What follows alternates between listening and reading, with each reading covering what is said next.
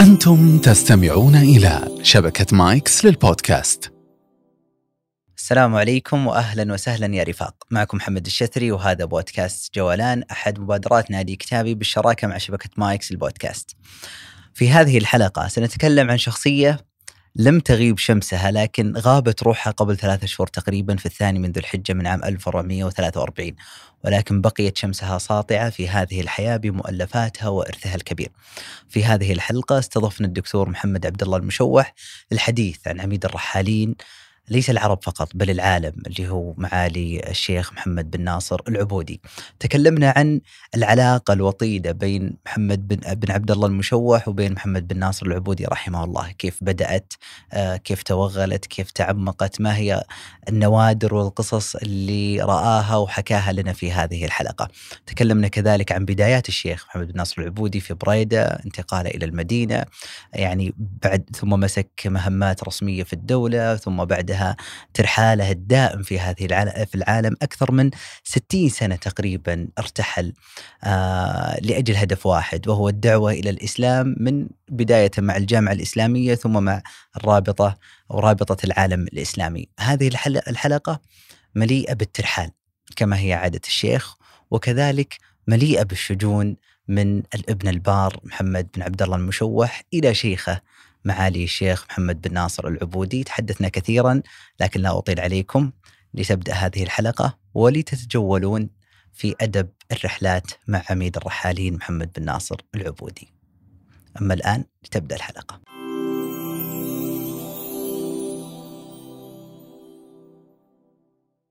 أهلا وسهلا دكتور محمد. مرحبا حياكم الله. الله يحييك والحمد لله على سلامتك. الله يسلمك. بعد العودة من احتفال آه، الدكتور صالح بن حميد اللي بخصوص أوقف مكتبته في المدينة المنورة نعم. كان نشرت مقطع آه، في تويتر كان حزين جدا فيما يخص هذا المشهد إنه كيف الإنسان بعد هذه هذه المدة من من العلاقة مع الكتاب يوقف مكتبته. صحيح.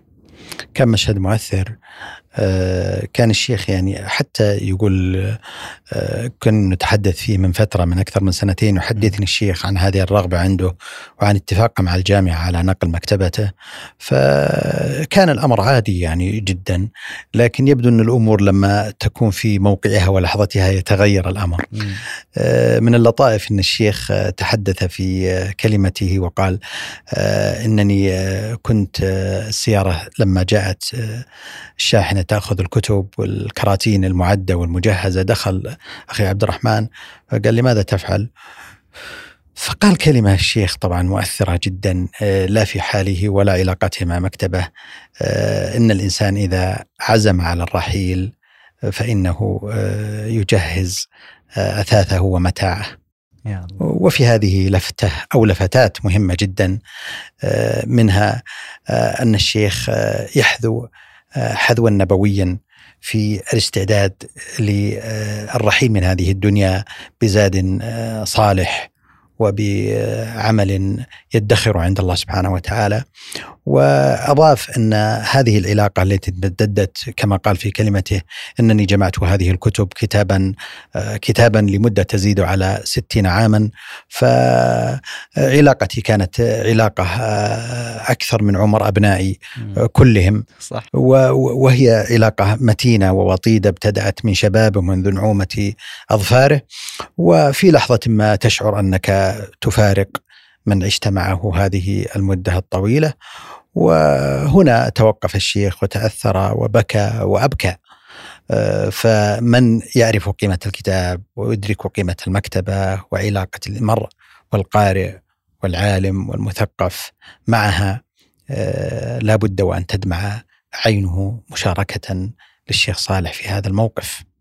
والجميع حتى أن سمو الأمير بعد أن انتهت كلمة آه، الشيخ صالح آه، قام واقفا وتأثر مع الشيخ ويعني طمأنه طمأنة أخيرة بأن مكتبته في الحفظ والعناية والاهتمام ولا شك أنه موقف نبيل من سمو الأمير لأنه مثقف ويدرك قيمة المكتبة والكتاب عند آه، العالم وعند المثقف جميل على ذكر الفراق آه، أن يفارق الشخص آه، دعني أبدأ من النهاية وإحنا راح نسولف اليوم عن معالي الشيخ محمد بن ناصر العبودي رحمه الله.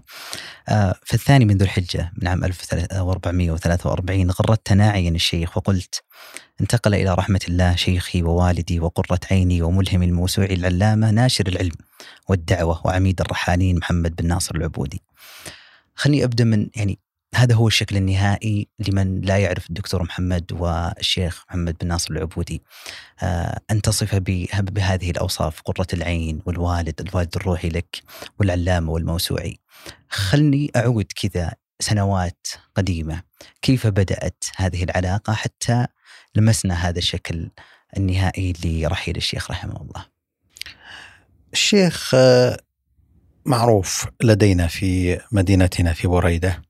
تربطنا به صلة قرابة يعني مع أخوالي ومع زوجتي آه، فهو خال زوجتي آه، و وهناك صلة لكن ليس الشيخ قريب من الجو العائلي والناس في بريدة لأنه في عام 1403 عين امينا مساعدا لرابطة العالم الإسلامي. فهنا تحمل مسؤولية كبرى قطعت صلته بالعالم الداخلي وتوثقت صلته بالعالم الخارجي. وكان في الرياض في الأمانة العامة للدعوة الإسلامية فانتقل إلى الرابطة في مكة. فالعمل انتقل المكان وانتقل في فكانت كنت أتوق إلى أن ألتقي به. في حدود تقريبا يمكن 1409 و10 نزور مكة ونحن طلاب كنت في الجامعة. فزرناه مرة في الرابطة معي ثلاثة من الأصدقاء رحب بنا كعادته كشباب وصغار وأعطانا بعض الكتب من رحلاته وقرأتها. أه كنت قبل ذلك أتردد على مكتبة النادي الأدبي في القصيم في بريدة وقرأت كتاب في إفريقية الخضراء. وهو الكتاب الشهير الذي أشهر الشيخ في جميع رحلاته. كتاب عظيم ترجم إلى عدة لغات وله قصة وحكاية طويلة ليس هذا أوان الحديث عنها. فأيضا كنت أتردد على المكتبة وكنت أنا لدي ميل تاريخي وجغرافي وفي التراجم والسير أحبها كثيرا.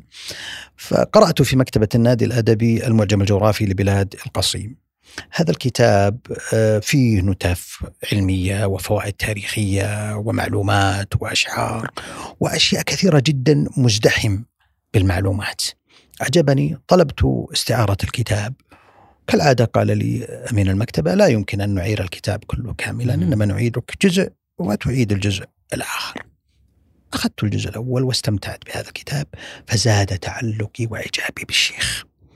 بعد تخرجي من الجامعة أيضا كنت أقرأ ببعض الكتب خصوصا المعجم الجغرافي اشتريته لأنني لم أكتفي بقراءته من النادي أعجبت بالمعلومات اللي فيه تهم منطقتي وفي معلومات ثرية على طريقة الشيخ المعتادة يحشو كثير من المعلومات المتزاحمة عنده بما أعطاه الله سبحانه وتعالى من موسوعية ولذلك لا يمل القارئ ولا تجد أن المادة جامدة وصعبة الفهم. بعد ذلك آه، يعني طاقة النفس إلى إلى الشيخ والتواصل معه. زرته مرة أيضا في حدود 1416 في الرابطة. أيضا كذلك سلمت عليه وعرفته بنفسي مرة أخرى وعرفني وعرف أهلي وأسرتي وكذا. فكان الشيخ يعني مشغولا. كانت في أوج وقمة عمله وعطائه. وكان آه، مشروعه ينهض. ولديه مشروع الشيخ صاحب مشاريع. اللي هو؟ هذا هو الشيخ محمد الأبودي. صاحب مشاريع. كان مشروعه هو أن يتعرف على أحوال المسلمين ويزورهم ويتعرف إليهم عن قرب ويكتب عنهم ما يشاهده. فبدأ بالمشروع وكان كما قال المتنبي ما حط من سفر إلا إلى سفري. تنزل طائرته ومن الغد يرحل. كان حتى عن أسرته انقطع. يعني كان همه مشروعه. فبدأ هذا العمل يعني يكبر. في 1419 كنت متعاون يعني ابتدأت قبلها بسنوات مع إذاعة القرآن الكريم. قدمت العديد من البرامج فاقترحت عليهم برنامجا اسمه في موكب الدعوة.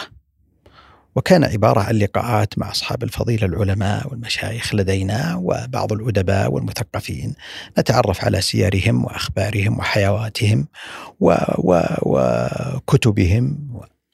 فاستجاب لي الحمد لله بحكم مكانة إذاعة القرآن الكريم لأن الناس في الغالب عندنا لا يتوقون ولا يندفعون إلى الحديث عن ذواتهم وأنفسهم خصوصا العلماء عندنا.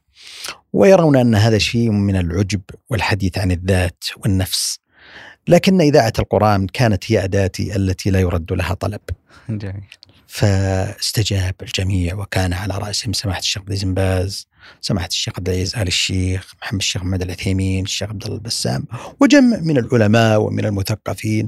فكانت إذاعة القرآن تحظى باحترام كبير جدا جدا. وكان بعضهم لأول مرة يتحدث. بعضهم أول مرة يتحدث في الإذاعة.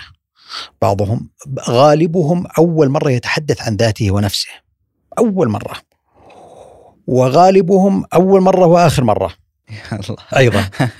هي اليتيمة. فهي اليتيمة. فكان آه، في طليعة الأسماء أعددت قائمة. قدمتها للإذاعة رحبوا بالفكرة وابتدأت. و يعني وضعت يمكن حوالي 15 شخصية في البداية. كان من ضمن هذه الشخصيات الشيخ محمد الأبودي. كان أعتقد أنه كان الشخصية السابعة والثامنة اللي التقيت فيها. الضيوف كان كلهم حلقة أو حلقتين فقط. تحدث معهم. الشيخ محمد الأبودي سجلت الحلقة الأولى الثانية الثالثة الرابعة. ما شاء الله. أربع حلقات. جيت للإذاعة. قالوا وش حلقة الأسبوع القادم؟ قلت هذا الشيخ محمد الأبودي أربع حلقات. كيف أربع حلقات؟ إحنا معتادين حلقة حلقتين. ليش تسجل أربع حلقات قلت والله الشيخ مزدحم. رجل عنده كل يوم يمكن حدود مؤلفاته 120 مؤلف وكذا. وحدي تبدأ عن الرحلات الجامعة الإسلامية المعهد العلمي في بريدة الذي أسسه وعلاقته بالمعاهد العلمية الأمان العامه للدعوة الإسلامية اللي أسسها. مراحل كثيرة جدا. والشيخ متحدث مليء بالمعلومة. فما استطعت يعني هذا اللي سجلته. قالوا طيب ماشي استمعوا للحلقات. وانبهروا بها وأعجبوا. ف آه، تحدثت أنا ومدير إذاعة القرآن الكريم آنذاك الشيخ محمد آه، الصفار. الله يذكره بالخير. وقلت له عندنا فكرة قال والله فكرة ممتازة لو تسجل مع الشيخ العبودي عن رحلاته لأن الحلقة الرابعة آه، كانت عن الرحلات. جميل. فقال يا أخي صوته ذا جميل إعلامي. والشيخ ما شاء الله متحدث ولغته راقية وسليمة. قلت والله أنا أمنية بس إن الشيخ يلا أخذت منه موعد للقاء هذا. لأنه مقيم في مكة وإحنا هنا. فعلا أردت الأمر على الشيخ. قلت له يا شيخ آه، آه، البرنامج عندنا برنامج بدنا نسجله عن الرحلات وعن كذا. قال الشيخ والله آه، جميل وطيب لكن صعب. صح. قلت ليش صعب؟ قال اولا أنا في مكة. ثانيا أنا أسافر ما أجلس. وأنتم تبون تسجيل وكذا؟ قلت لا كل الأمور سهلة. التسجيل نجي لمك في مكة. يا سلام. والتسجيل متى ما بغيت نسجل ثلاث حلقات أربع حلقات مش صح. مباشر ولا شيء. مع ذلك قال أنا مزدحم وهو فعلا مزدحم بين عمل وبين تأليف. جميل. آه عليه فكرة. فقلت له يا شيخ عندي رأي. قال إيش هو؟ قلت خلينا نسجل لنا كم حلقة من البرنامج. ان عجبك وشفت الصدى طيب وجميل وارتحت. استمرينا وإلا الأمر سهل ترى يا شيخ ما حد يلزمك بشيء. نسجل حقه. قال والله رأي طيب هذا. فعلا رحت له في مكة. سجلت أربع حلقات وهي ما تعادل حق شهر يعني تقريبا. فقال هذه والله فكرة جميلة يعني إننا نسجل حلقات حق ثلاثة وأربع حلقات وكذا. فوجئ بعدما أذيعت الحلقات. الناس تسلم عليه في المطارات واللي يتصلون عليه بالتليفون وتعرف إذاعة القرآن مسموعة بشكل كبير والإذاعة عموما لها جمهور عريض صح. وكبير فلم يكن يتوقع أن يكون هذا الصدى الكبير فاتصلت به. قال والله يا أخي ما توقعت يعني حتى زوجتي ام ناصر يتصلون عليها. الناس يقولون ما شاء الله البرنامج الزين هذا. ما شاء الله. فكانت يعني البرنامج مفاجئ له لأن الشيخ لم يكن يهتم بالإعلام لكنه معه أدوات النجاح يمتلك ناصيتها ويستطيع أن يديرها ويستطيع أن يتحكم فيها. فبدأنا هذا البرنامج وصار التسجيل أسبوعي وكذا وكذا فابتدأت العلاقة. العلاقة تبدو دائما يعني شيئا فشيئا. صح. يعلم الله أنني كنت بين أمرين. كانت أمنية وحلم لي كما ذكرت لك في السياق تماما أن أجلس معه ولو للحظات. ثم زادت الأمنية أن أسجل معه فحصلت. ثم علت الأمنية أن أسجل برنامجا مستمرا معه وتحققت.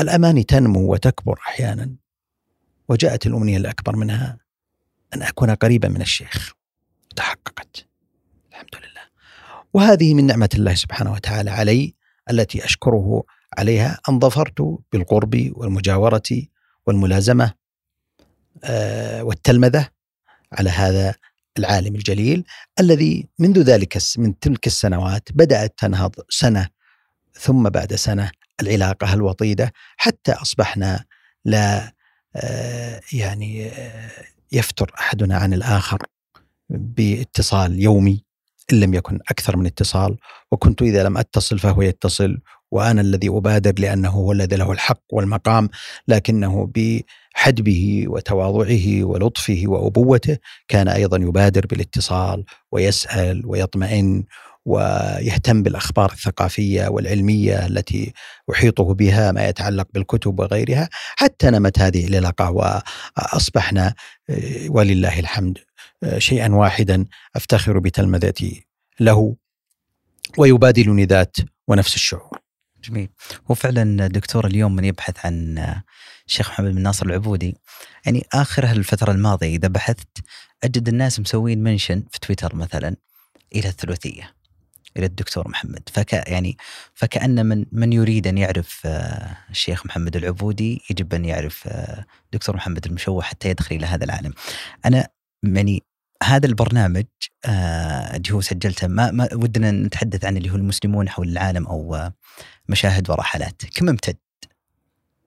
ابتدأ 1419 وتوقف في نهاية 39 يعني 20 سنة تقريبا. أي نعم. ما شاء الله.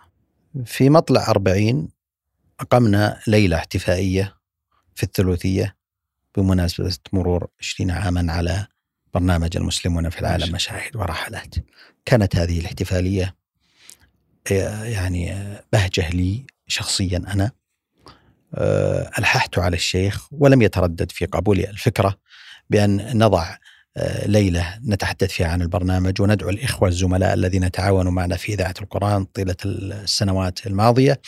وأيضا نتحدث عن سيرة البرنامج. الحقيقة يعني البرنامج يحتاج وقفة.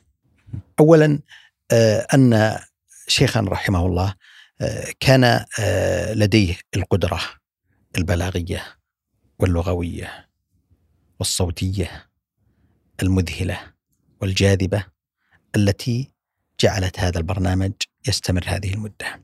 ثانيا الشيخ رحمه الله آية في الانضباط والدقة والمواعيد.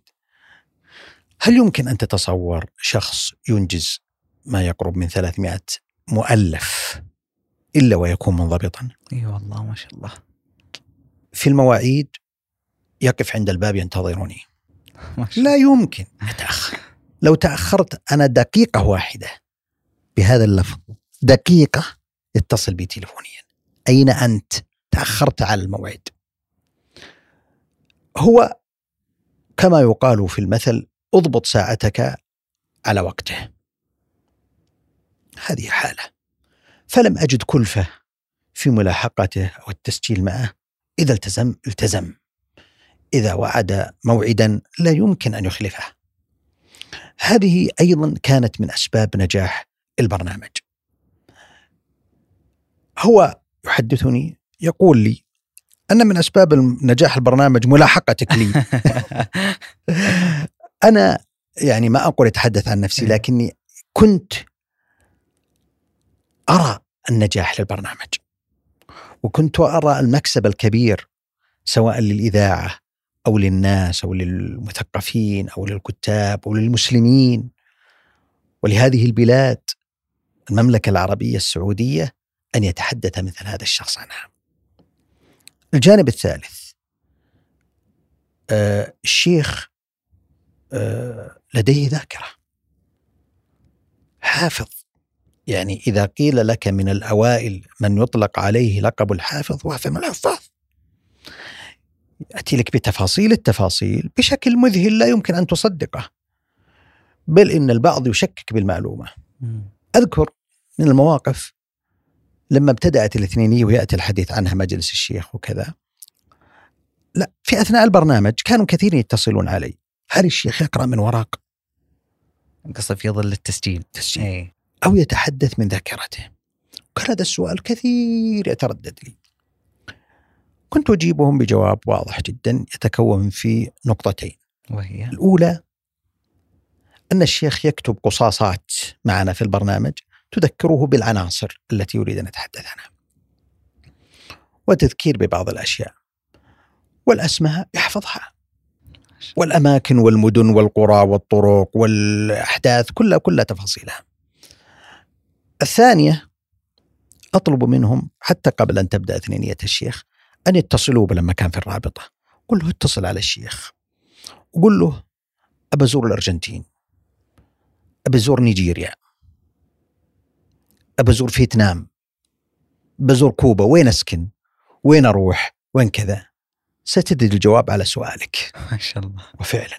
يتصلون واذا بهم يفاجئون بأن الشيخ قد تحدث لمدة ربع ساعة، نعم اسكن هناك وهناك ثلاث فنادق وهناك كذا و- وتزور الجمعية وفيها فلان، فياتي لك بتفاصيل تدرك أن هذا الرجل لديه معلومة.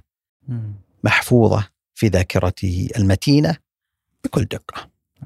فهذه الأسباب وغيرها أدت إلى نجاح البرنامج ولله الحمد واستمر- واستمراره وديمومته هذه المدة الطويلة التي أثمرت أكثر من 800 حلقة.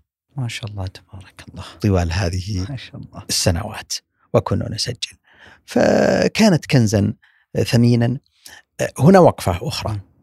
الشيخ طبعا ويمكن يأتي الحديث عنها رحاله. أكيد. وهو كتب كتب الرحلات كثير. من قرأوا كتب الرحلات لا يكون قد لا يكون عددهم كثير أو كبير فالقراء أيضا نسبتهم محدودة. الإذاعة روجت لكتبه وعرفت بكتبه والبرنامج عرف بالشيخ كرحالة أكثر من تعريفه بكتبه لأن الكتب يبقى هناك محدودية في هذه الجوانب. فاستطعنا ولله الحمد أن نقدم الشيخ في هذا البرنامج على الوجه اللائق به. وأنه شخص نادر في هذا القرن وفي هذه القرون المتأخرة بما أعطاه الله سبحانه وتعالى من قدرات أدركها.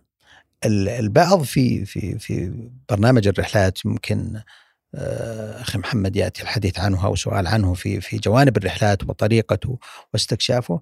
آه، يعني هناك ملامح كثيرة في طريقة الشيخ في السفر في الرحلات في الأشياء الكثيرة هذه.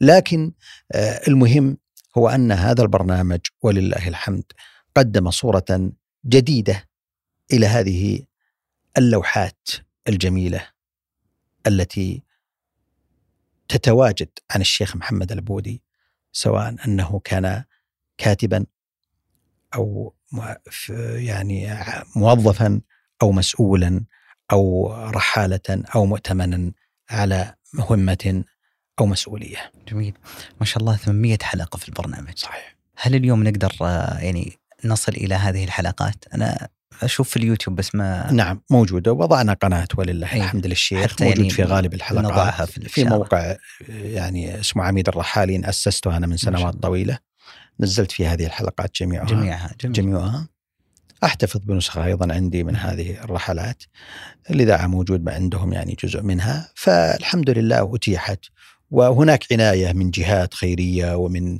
يعني مهتمين بعلم الشيخ وارث الشيخ بهذه الرحلات وقدم أفكار لها آه، كثيرة. يا سلام أجل هذه بنحط الإش... يعني إشارة إليها ال- الموقع الشيخ اللي ذكرته جداً. حتى يطلعون عليه. آه أنا يعني هذا البرنامج ممكن آه تحديدا جيلنا ممكن عرف الشيخ من خلال هذا البرنامج يعني بطريقة حكيه وقصته وتعرف اسلوب الشيخ يعني نعم، ما يحتاج صحيح. في هذه النقطة. لكن ودي أسأل عن آه، آه، لكم دكتور تجارب في كتابة السيرة الغيرية. منها آه، آه، السيره الأشهر اللي هو عميد الرحالين محمد بن ناصر العبودي حياته إسهاماته جهوده. ودي يسولف عن تجربتك الذاتية والشخصية في كتابة السيرة الذاتية وعن هذا الكتاب تحديدا. صحيح الحقيقة أنه آه، ال- العلاقة المتينة اللي توطدت مع شيخنا ولدت عندي معلومات كثيرة عن الشيخ خلال الفترة السنوات اللي ابتدأ فيها البرنامج الخمس سنوات الأولى عام 1425 تقريبا رغبت في كتابة شيء عن الشيخ لأنني وجدت أنه لا يوجد أي كتابة عن الشيخ صحيح. وكان الناس بحكم علاقتنا بالبرنامج يسألونني كثيرا عن بعض م. المعلومات أه، فرغبت أن يكون هناك كتاب عن الشيخ استأذنته فوافق لي وزودني ببعض المعلومات وبحثت أنا واتصلت و أه، سافرت إلى مكة واتصلت ببعض من عملوا مع الشيخ وكذا حتى أخذ معلومات دقيقة ومشافهة استطعنا ولله الحمد أن ننجز هذا الكتاب عميد الرحالين وهو ميزته أنني آه، يعني أزعم أنني أول من أطلق كلمة عميد الرحالين بجيك. على هذه النقطة أي نعم. آه، هذا 2004 تقريبا أي نعم. أي. فقدم آه، هذا الكتاب. آه، آه، بدأ الشيخ آه، يعني يظهر اسمه يعني بانتشار سريع وكبير جدا. آه، مهرجان الجنادرية آنذاك كان يرشح كل عام شخصية يسمونها الشخصية الثقافية أو شخصية الجنادرية الثقافية. وهناك لجنة للمشورة فاتصلوا بي بعض الإخوة وقالوا نرغب في ترشيح الشيخ محمد آه، العبودي هل لديك يعني معلومات عن الشيخ حتى نقدمها للجان وكذا؟ فقدمت لهم بعض الأشياء وكنت أعكف على الكتاب. ولله الحمد والفضل تم ترشيح الشيخ.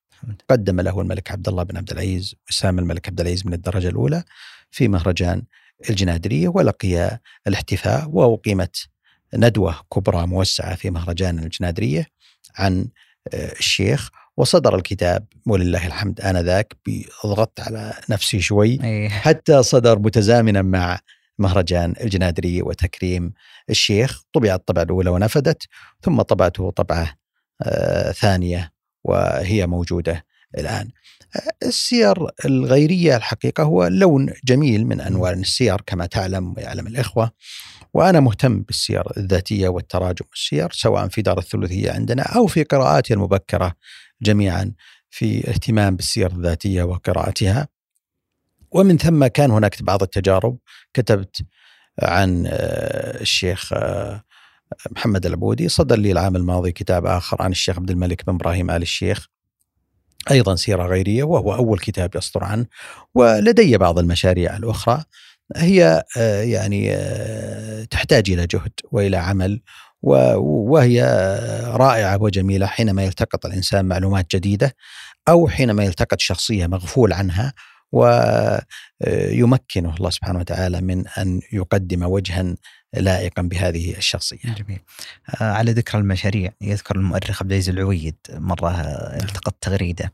فذكر اقترح لك آه، يعني اقترح حتى عنوان للكتاب. آه، ذكر قال أنا والشيخ محمد العبودي يقصدك يعني يقترح عليك أنك ت- تكتب كتاب آه، بهذا العنوان أنا والشيخ محمد العبودي.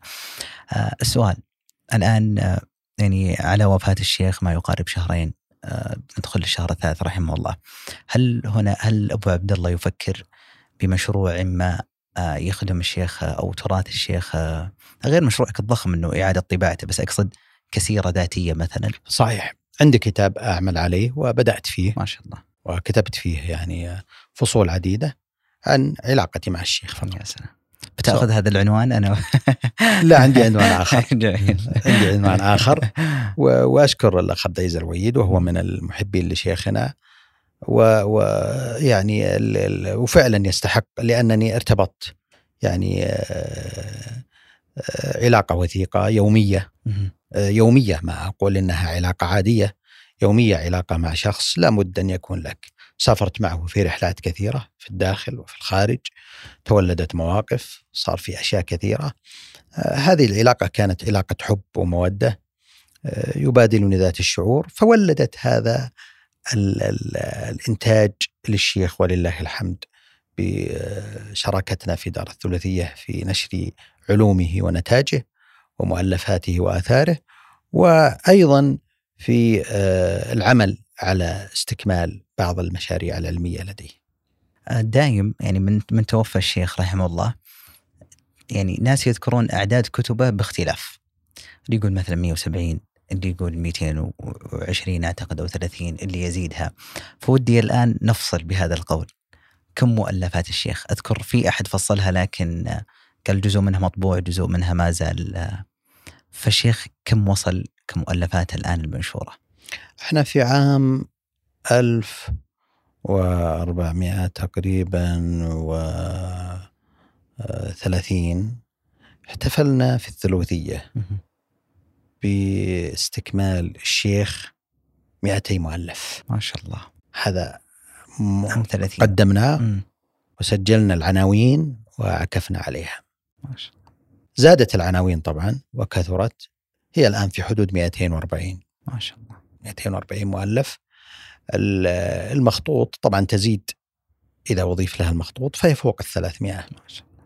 ال- الدكتورة شريفة العبودي. كريمة الشيخ آه، قامت بجهد طيب ولله الحمد في الفترة الأخيرة حتى قائمة على هذا العمل قبل وفاة الشيخ. وهو إصدار بيلوغرافيا كاملة عن الشيخ تتضمن كامل مؤلفاته ورصد لها دقيق. وانتهت ولله الحمد وهو قريبا سوف يطبع إن شاء الله وهو عمل يريح الكثيرين ويجيب على هذا السؤال الذي يتكرر الثلاثية ستطبع؟ لا أعتقد تطبع جهة من الجهات الحكومية. جميل. آه، إحنا الآن انتهينا تقريبا من المرحلة الأولى في في هذا اللقاء اللي هو العلاقة الشخصية وستأتي يعني حتما في ذكرها لكن ودنا نغوص قليلا في آه، حياة الشيخ آه، محمد العبودي. طبعا العبودي كما يعني للذين لا يعلمون ولد عام 1345 يعني تقريبا قبل 99 سنة أو 98 سنة بال- بال- بالهجري. آه، ولد في بريدة ونشأ فيها ثم خرج إلى المدينة. ودي أتحدث قليلا عن بريدة أو تلك الفترة يعني قبل مئة سنة تقريبا. اهتمام الشيخ في الأنساب وفي المعاجم كان باكرا. هل كان في أحد ملهم للشيخ من ناحية أنه طرق هذا هذا الطريق؟ أو أن الشيخ يعتبر من أوائل من اهتم آه، في بريدة في فيما يخص هذه العناوين؟ الجوانب الاهتمامات فيما يتعلق بالتاريخ والأنساب لم يكن ذاك الاهتمام الدقيق فيها في بريدة. كان التركيز كما هو غالب في الفترة تلك آه، وما قبلها بسنوات يعني مطلع القرن الجوانب الشرعية. دروس العلماء والمشايخ كلها كانت تركز على علوم الشريعة وعلوم العربية. آه، الشيخ منذ أن ولد وهو رجل واسع التفكير مستقل التفكير. ولم الشيخ لم يكن له شخص معين تقول أن الشيخ هو صورة منه. جميل هناك من تأثر بهم المؤثرون موجودون وذكر أسماءهم في سيرته وفي حياته يأتي في طليعتهم الشيخ عبد الله بن حميد رحمه الله شيخه الأول وغيرهم من المشايخ اللي درس عليهم. لكن الشيخ في اهتمامه بالتاريخ والأنساب وهذه الأشياء هناك شخصية تقليدية أيضا تأثر بها وهو والده. والده رحم الله الجميع. كان شخصية كما يطلق عليهم الشيخ دائما إخبارية، مم. لديه معلومات شفهية ويروي عن كبار السن ويحدث وكان يعرف الناس ويعرف الأشياء. فكان الشيخ ملازم له ملازمة تامة لأنه ابنه الأكبر. فكان يصحب ابنه الدكان كان عنده دكان وكان يذهب به إلى الأماكن وإلى الناس وإلى كذا. لم تكن هذه الصحبة مع والده كافية. لكن هذا الابن والشاب الصغير كان طلعة. كان استثناء سواء من بين إخوته أو من بين أسرته أو من بين أبناء جيله وبلده. متنوع التفكير متنوع القراءات المواقف كثيرة لما تتحدث عن شخص في بريدة في مطلع الستينات في القصيم في نجد عموما يراسل الصحف المصرية والمجلات مجلة الأديب اللبنانية آه، المجلات المصرية ويشترك فيها. وهو يعني دخله ضعيف وكذا تصل إلى مكة بعد صدورها بشهر ونص ثم بالبريد إلى القصيم وإلى بريدة بعد شهرين تصل بعد صدورها فكانت الدورة يعني يعني كل سنة تجي أعداد السنة الماضية. ها؟ قد الناس خلصوا ولا؟ لكن هذا هذا الهوس. هذا هذا ال- هذا, هذا التعلق بالقراءة. هذا الانفتاح المبكر على الثقافات. يرافقه انفتاح آخر على العلوم التي لم يعتني بها الناس.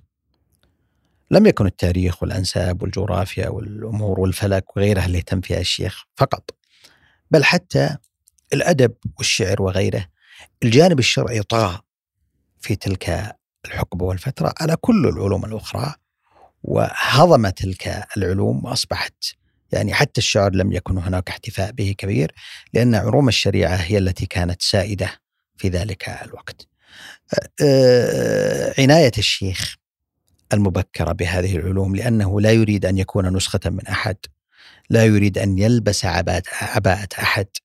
آه، فلم يكن آه، تلميذ آه، حلقة ومشيخة فقهية فقط. والدليل على ذلك لا أسميها الخلاف إنما الحوار الذي دار بينه وبين شيخه عبد الله بن حميد. لما ألح عليه بالقضاء فرفض. وش سالفة ال لما بدأت فتحت المدارس في بريدة أراد الشيخ أن يلتحق بالمدرسة الفيصلية مدرسا. عام تقريبا آه، بعد قدوم الشيخ آه، تقريبا بيمكن 66 67 بالضبط 67 هجري بعد ما درس على الشيخ حوالي خمس سنوات. آه، بالمناسبة لما نتحدث عن الشيخ كيف تولدت علاقته بالشيخ عبد الله بن حميد؟ جاء الشيخ عبد الله بن حميد عام 63 هجري والطلاب كانوا طلاب الشيخ عمر بن سليم كان شخصية علمية معروفة. وكان الطلاب بالمئات يلتفون ويتحلقون حوله. جاء هذا الطالب اليافع عمره 17 سنة يقرأ من ضمن الطلاب في كتب الشريعة والكتب الموجودة اللي كل الطلاب يقرؤون فيها. لما آه، سمع صوته الشيخ عبد الله بن حميد يقول الشيخ الشيخ من صغره فصيح اللسان لا يلحن ولا يغلط. ما شاء الله. فسمع صوتا جميلا لا يلحن ولا يغلط. فيقول الشيخ الشيخ عبد الله بن حميد من أهل الرياض أي. من أهل منفوحة أصلا الشيخ ينطقها بلغ- بلغته بلهجته اللي قالها لشيء من أنت؟ لما القصيم يقول من أنت؟ من أنت إي. من أنت؟ فقال له أنا محمد الأبودي إي. قال زين خليك معنا بالحلقة نشوفك فبدأ يطلب منه في كل درس أن يسمع صوته أعجب بهذا الشاب الصغير الصوت الجميل الفصيح البليغ. حتى كبار الطبقة لأنهم يسمون طبقات في الحلقة. من هم أكبر منه سنا وملازم للدروس لم يكن بهذه القدرة اللغوية اللي عند الشيخ. أعجب الشيخ. فأدناه أدناه. قربه قربه رويدا رويدا حتى أصبح ملازما له. بل إنه صار يدخل معه في بيته يقرأ عليه الصحف التي ترد للشيخ يعطيها أخبار البلد كان الشيخ رغم صغره كان يسأل الشيخ عبد الله بن حميد في موضوع الأنساب في موضوع الناس في موضوع الأسر فكان هو طلعة شاب لديه معرفة. لما تجد يعني هذا الأمر لدى شخص الجانب المهم الذي نتوقف عنده كيف صار هذا الشاب؟ لا يلحن في لغته ولا يغلط ولا يخطئ ولديه هذه المعلومات لابد أن نتوقف عند شيء آخر. كيف؟ الشيخ بنى نفسه مبكرا بالقراءة بالقراءة. كان يقرأ بنهم بشكل عجيب ويقرأ في كل شيء نضيف ما تحدثنا عنه سابقا منحه الله قدرة على الحفظ. يحدثني وذكر الشيخ سعد الجنيد لما رافقه في رحلة المعجم الجغرافي في التسعينات الهجرية أنك لو قيل لك الشيخ محمد العبودي تقرأ عليه كتاب ثم تطلب أن يعيد عليه الصفحة يعيد عليك الصفحة؟ نعم يعيد عليك الصفحة. ما شاء الله تبارك الله. إلى هذه الدرجة؟ إلى هذه الدرجة. طالب في الحلقات الشرعية جو شرعي. محيط شرعي كامل بدأ يقرأ حتى في المعلقات وحفظ كامل المعلقات. ما شاء الله. آه. ومن الشعر الشيء الآلاف الكثيرة من الشعر العامي والفصيح أعطاه الله قدرة. بيت الشعر لا يتردد والقصيدة لا, لا, لا, تعوزه أو لا يعوزه حفظها. بسهولة يحفظ. فهذا البناء المبكر لفت الشيخ عبد الله بن حميد أن هذا الشاب ليس عاديا. إيه. فأدناه وقربه. وصار ملازم له ولما فتحت المدرسة كما قلت لك عرض عليه التدريس مبكرا وهو صغير ووافق على التدريس فقال له الشيخ بن حميد لا نبيك بل لا تت- لا تتركنا. أي. فخاف الشيخ عبد الله بن حميد إنه إنه التحاقه بالتدريس يلتب يبتعد عنه. والشيخ يتوسم في هذا الشاب أن يكون شيئا ما. فصار حوار كتبه الشيخ. محمد البودي في كتابه عن شيخ عبد الله بن حميد. الشيخ عبد الله بن حميد كما عرفته. وصارت يعني شوية مشادة يمكن آه، بين شيخ وتلميذه. ألح عليه قال وش تبي؟ ليش تروح للتدريس والتعليم؟ وش تبي؟ تبي وظيفة؟ عندي وظيفة أعطيك وظيفة. قال لا القضاء مشكلته أنه يعين الإنسان خارج وأنا أريد والدي ووالدتي يكون قرهم قال هذا سهل. أنا أكتب للملك الآن يعينك. بالمكان اللي تبيه أنت. فكان الشيخ يريد أن يتهرب. قال والله يا شيخ هذا الصحيح إيه. أنا لا أصلح للقضاء قال ليش؟ قال أنا لا ألبس عباءة القضاء ولا إيه. يصلح للقضاء أنا رجل قراءاتي عامة وواسعة وأنا لا أريد أن أتقيد بشيء وهو يعلم أن القضاء سواء اليوم أو أمس لكن كان بالأمس أشد أعظم له سمت خاص وطريقة خاصة وطريق مختلف تماما يجب أن تلتزم به وتوافقه كان لديه وهو شاب صغير مشروع مشروع أن يبني نفسه ثقافيا لا لا لا طالب علم شرعي فقط أن يكون مثقفا بهذا. المفروض. الواسع ولذلك تعددت قراءاته وبدأت ال ال فنزل الشيخ عبد الله بن حميد عند رغبته وترك هذا الشاب يعني يختار الطريق الذي يريده فعلا كان طريق هو الطريق المناسب له و وكان رأيه صوابا لأنه لو اتجه للقضاء لكان شخصية أخرى مختلفة لكنه اتجه لهذا الجانب الذي استطاع أن يقدم فيه المهارات والقدرات والملكات التي وهبها الله سبحانه. وتعالى إياها في تلك الفترة فترة آه، بريدة آه، كتب الشيخ كتاب يوميات نجدي صحيح طبعتوها في صحيح. الثلاثية ثلاث مجلدات أعتقد صحيح. طبعا وهي يوميات من عام 1368 إلى عام 1375 آه، يتكلم عن بريدة تحديدا. خلينا نقول وهذا ذكرها آه، أستاذ محمد القشعمي يقول إيه يعني أن يتكلم عن بريدة والقصيم يقول إذ تجاوزها واعتبر أن واعتبر أنها ليست ذات- فائدة. أنا أستغرب من هذا التعليق ثم قال هذا أدب نجدي. هي يتساءل هل هذا أدب نجدي جديد في الصحافة؟ أنه يتكلم عن يعني آه، فقط في هذه الحاضرة اللي هي بريدة والقصيم ولا هذا لون جديد من أدب أنا أعطيك الصحافة؟ القصة. مم. يوميات نجدي هذه قصتها ذكرها لنا الشيخ مرارا. كان الشيخ لما بدأ يعني 68 كان عمره 24 سنة 23 سنة. شاب صغير. لكن هذا هو الشخص ال- صح. الاستثناء متوقد الذكاء حاد الفكرة. لديه طموح أكبر من طموح عمره.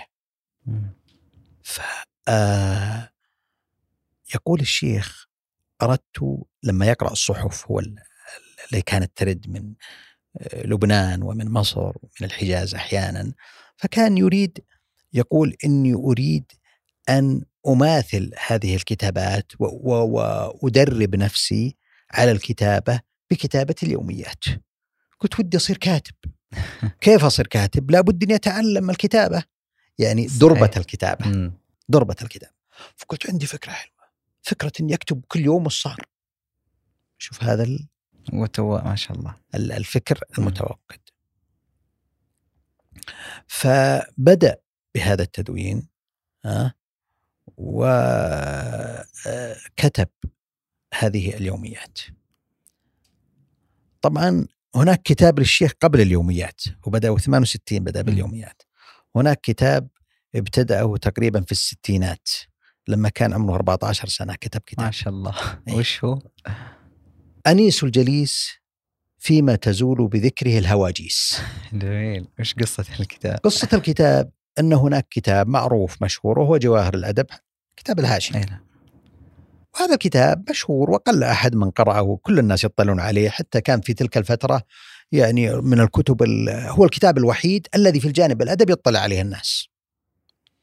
كان هناك أستاذ يقرأ عنده الشيخ يقرأ عنده مبادئ الكتابة والقراءة قال له الشيخ محمد بن صالح الوهيبي. وكان لديه بعض الكتب من ضمنها كتاب جواهر الأدب. لأنه قام في الكويت الوهيبي. ودرس في مدرسة النجاة هناك وتعلم بعض العلوم في الفلك والحساب وكانت مدرسته في بريدة يعني كتابه في بريدة كما يقولون الكتاتيب من أفضل الكتاتيب.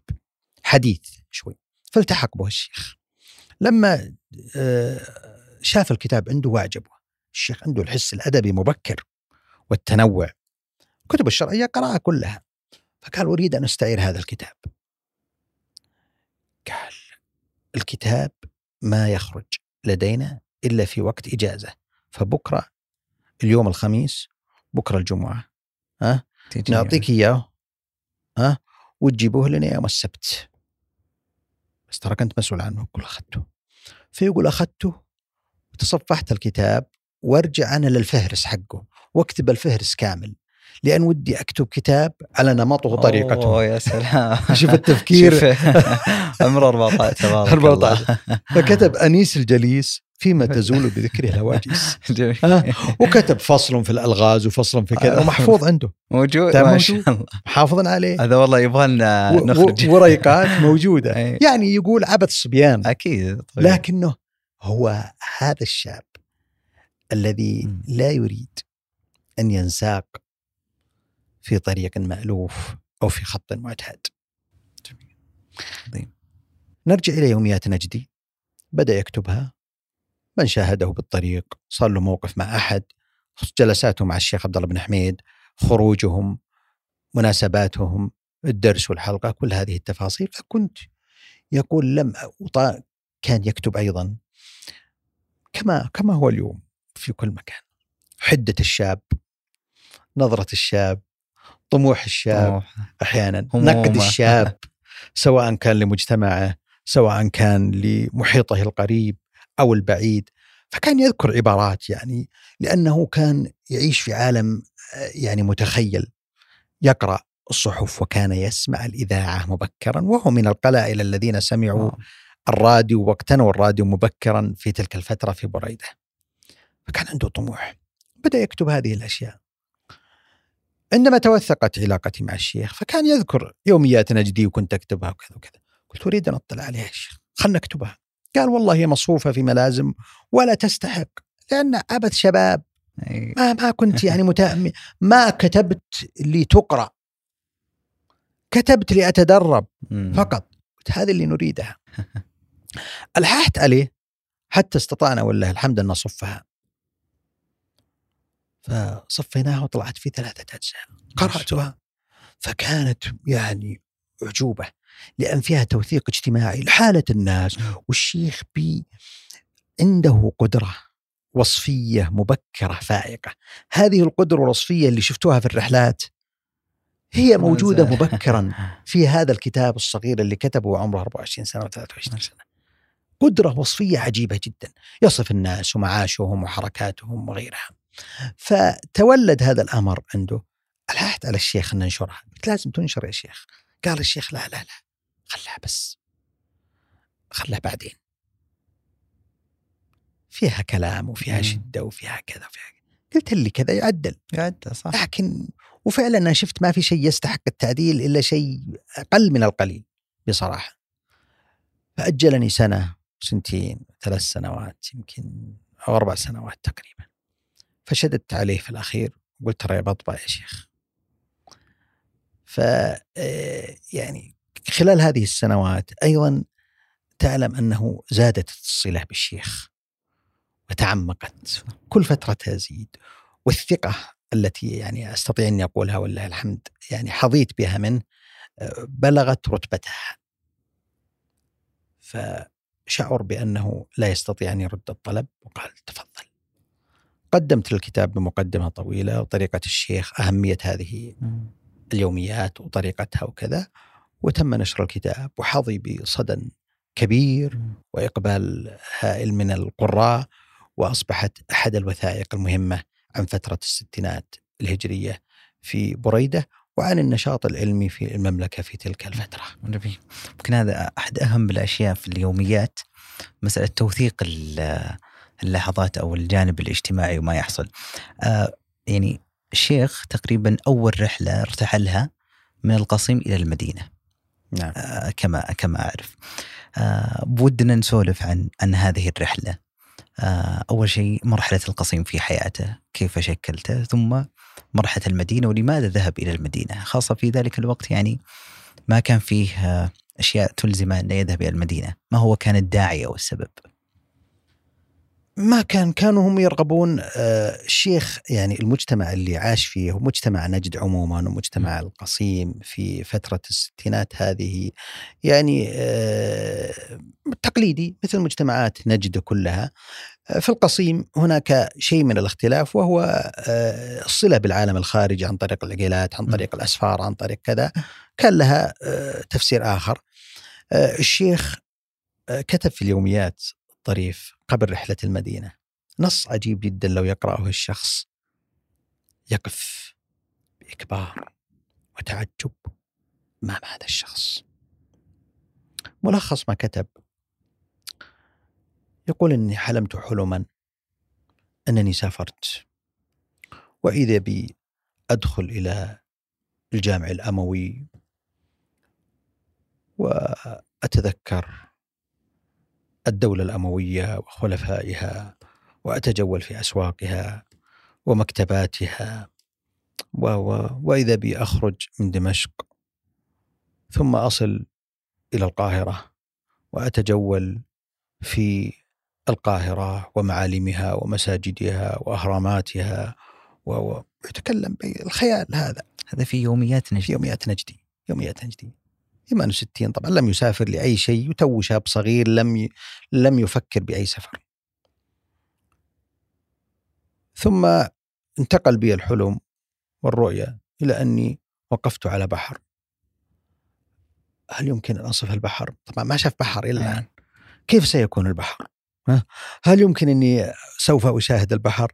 وإذا بي أقف على البحر. يصف إنه مبسوط أمام البحر وموج البحر ويتكلم البحر كأنه أمامه الآن. وهو لم يشاهد البحر مطلقا. فكان يعيش في خيال عجيب جدا. والنص موجود في يوميات نجدي وبتوثيقه وبيومه اللي كتبه فيه. وتأتي إرادة الله سبحانه وتعالى. وبعد هذه الرؤيه بأربع سنوات فقط. يفتتح معهد بريد العلمي ويكلف بالتعاقد مع مدرسين في مصر وفي دمشق. ويذهب هو للتعاقد. يعني ما طولت. السالفة ما طولت. ما طولت. على طول جت. وياخذ ليس هنا العجب. هذا الشاب الذي يكتب في العشرين من عمره أنه يتوق إلى رؤية البحر وكأنه رأى البحر ويصف وجه البحر. يقف على محيطات العالم جميعها ويطوف هذه المحيطات وبحار العالم وأنهار العالم يقف عليها ما لم يقفه أحد.